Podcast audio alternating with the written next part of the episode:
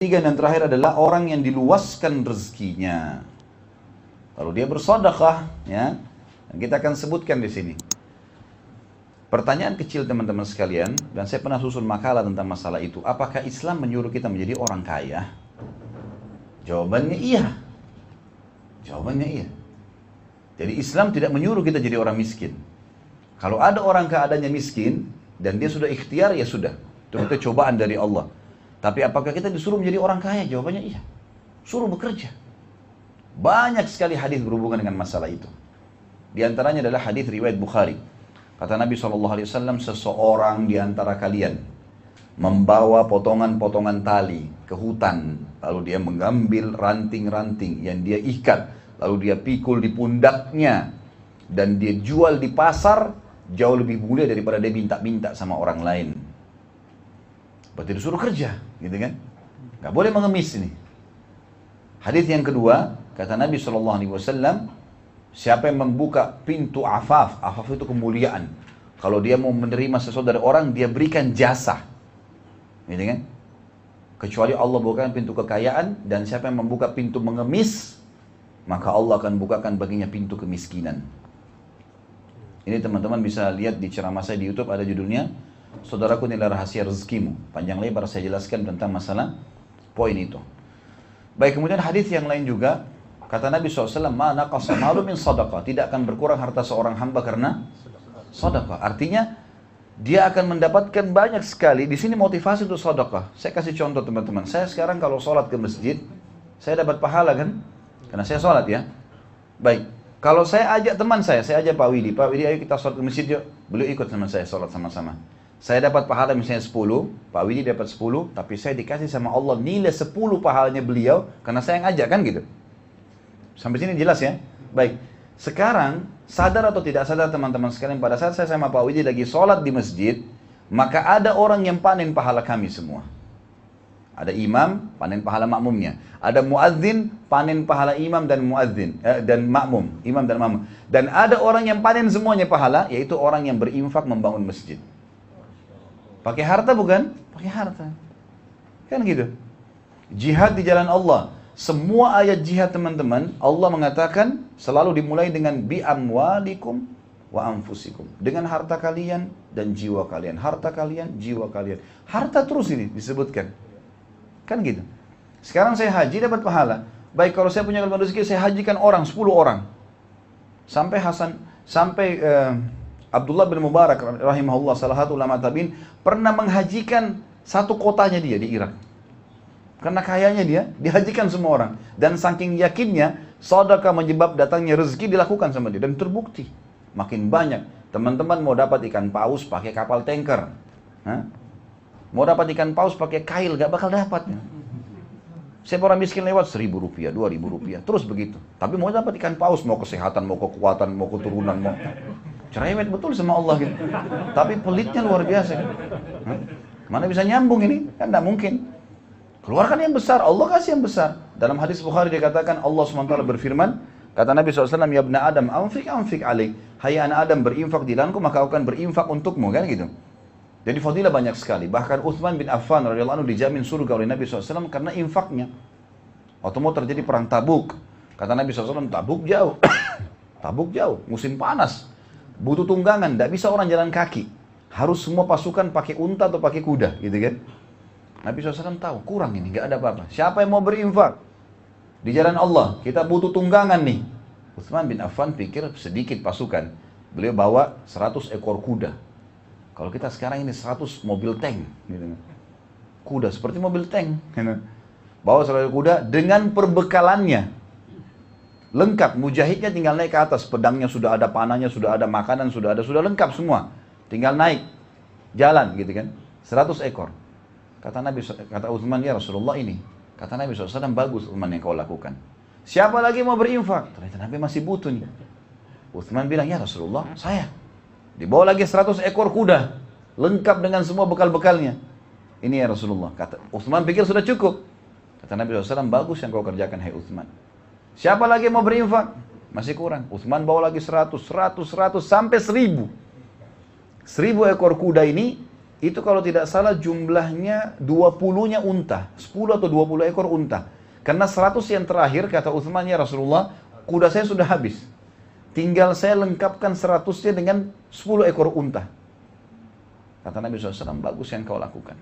Udah selesai nih, ternyata 1000 kuda sudah cukup. Karena banyak sahabat-sahabat juga yang bawa kuda gitu kan. Kata Nabi SAW, siapa yang membebaskan sumur rumat, sumur pemanah gitu kan karena waktu itu ada sumur, lagi musim kemarau, dan punya Yahudi. Yahudi ini nggak mau kasih muslimin air. Akhirnya Uthman bin Affan datang mengatakan, Hai Yahudi, berapa kau mau jual sumurmu ini? Dia sebutkan harga khayalan pada saat itu, 20 ribu dinar emas. Kalau kita sekarang 6 miliar, sumur 6 miliar. Saya gali sumur di yayasan cuma 10 juta sudah satu kampung bisa pakai gitu kan. Sumur 6 miliar dari mana? Tapi dia kaget, Uthman bilang, saya beli. Ini uangnya. Yahudi itu saking gembiranya dikasih Uthman sumur sama kebun kurmanya. Ambil sudah semua. Uthman bin Affan wakafin. Apa kata Nabi SAW? Tidak ada lagi yang bisa menghalangi Uthman masuk surga setelah apa yang dia buat hari ini. Infak. Itu harta membuat dia masuk surga, teman-teman sekalian. Berarti sekarang untuk mengadakan pahala salah satunya dengan dengan ilmu, dengan harta, kan gitu. Berarti Islam suruh kita untuk itu teman-teman sekalian. Kan itu. Kita buat lahan pekerjaan buat orang, ya kita berinfak, kita berikan uh, nafkah kepada istri dan anak, kita memberikan kepada orang tua, segalanya pahala. Jadi ibadah kita ini banyak berhubungan dengan masalah harta. Oleh karena itu Islam menyuruh kita untuk menjadi orang yang mampu. Ada hadis yang lain juga riwayat Bukhari Muslim. Pernah teman-teman sekalian ada sahabat-sahabat miskin datang mengatakan ya Rasulullah, ya. Kami ini miskin, dan kami dikalahkan amalnya dengan sahabat-sahabat kami yang kaya. Kami sholat, mereka sholat. Kami puasa, mereka puasa. Tapi mereka punya kelebihan. Mereka berinfak hartanya kepada kami. Kami nggak punya harta. Nggak bisa ikutin ibadah itu, nggak ada. Pandukan kepada kami amalan yang kalau kami kerjakan, kami sama mereka pahalanya. Kata Nabi SAW, bacalah Subhanallah 33. Alhamdulillah, Allah Akbar 33. Dan ini termasuk juga boleh dibaca walaupun tidak, bukan habis sholat. Gitu kan. Karena Nabi SAW pernah juga perintahkan Ali dan Fatimah radhiallahu untuk membaca pada saat mereka sudah capek bekerja untuk menghilangkan capeknya. Maka sahabat-sahabat miskin pulang amalin tuh. Karena ternyata subhanallah alhamdulillah Allah Akbar 33 ini sama dengan orang-orang pahalanya berinfak gitu kan. Rupanya mulut demi mulut orang kaya dengar. Mereka amalkan juga. Datang lagi orang-orang miskin, ya Rasulullah, yang kaya amalin lagi. Maksudnya mau amal apa lagi nih? Gitu kan? Kata Nabi SAW, Zalika fadlullahi yu'tihi mayyasha. Itu karunia Allah yang Allah berikan kepada siapa yang dia inginkan. Kan itu. Berarti saya tidak bisa lagi. Ya udah itu kelebihan yang Allah kasih mereka. Resiko, gitu kan? Makanya kalian bekerja. Dan subhanallah kata ulama, tidak ada orang yang memulai usahanya dengan modal yang benar, produk yang benar, sistem yang benar kecuali Allah berkahi. Kalau ada masalah di usaha antum, perhatikan tiga hal ini. Gitu kan? modalnya, produknya, sistemnya. Halal, diberkahi. Tidak usah datangi orang-orang bodoh dan orang-orang tidak normal. Ya. Yang di Indonesia dulu dukun kalau ketangkap dibakar, gitu kan? Karena dukun ini sudah rusak, namanya diganti dengan orang pintar. Ganti sekarang, orang bodoh. Orang paranormal, di atas normal, tidak orang tidak normal semuanya. Minta tolong sama dukun-dukun, jin. Enggak perlu semua. Orang di sekitar Masjid Haram Nabawi dan Masjid Aqsa, Masjid Masjid uh, Haram Mekah tidak pakai pelaris-pelaris, laku semua kok tokonya. Kata kuncinya, modalnya halal, sistemnya halal, produknya halal. Tawakal kepada Allah sisanya.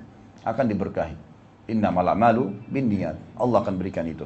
Nah teman-teman sekalian, karena besarnya fadilah ini, dan di sini hadis mengatakan dan Allah membuka untuknya berbagai jenis harta seluruhnya. Artinya bisa seseorang itu menguasai banyak bidang.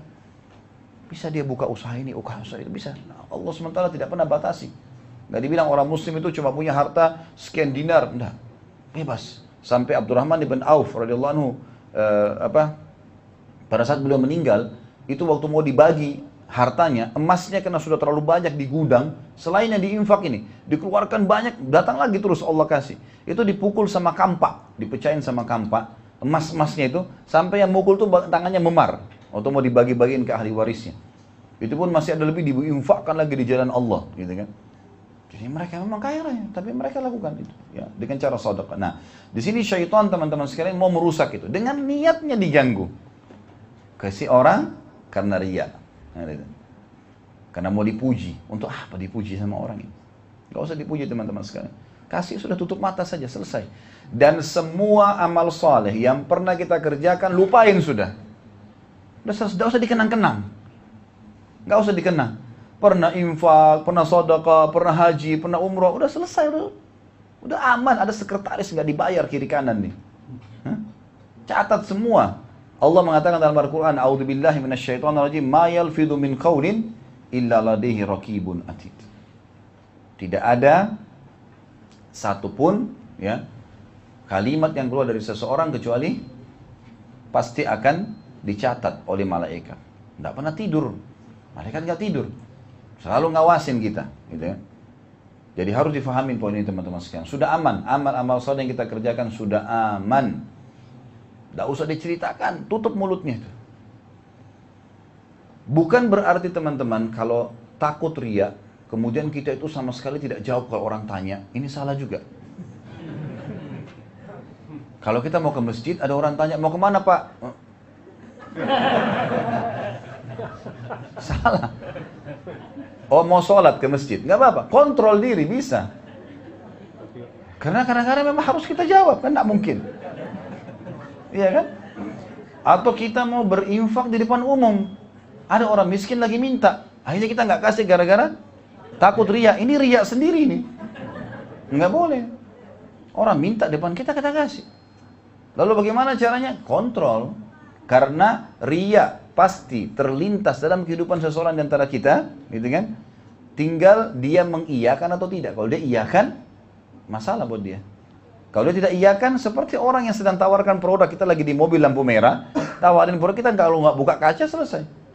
Itu orang di sebelah kamu, setan bisikin begini, kita enggak, tetap baca, konsentrasi, nggak ada masalah. Kalau kita terbawa dengan arus itu, nah baru kita ria. Ya, jelas.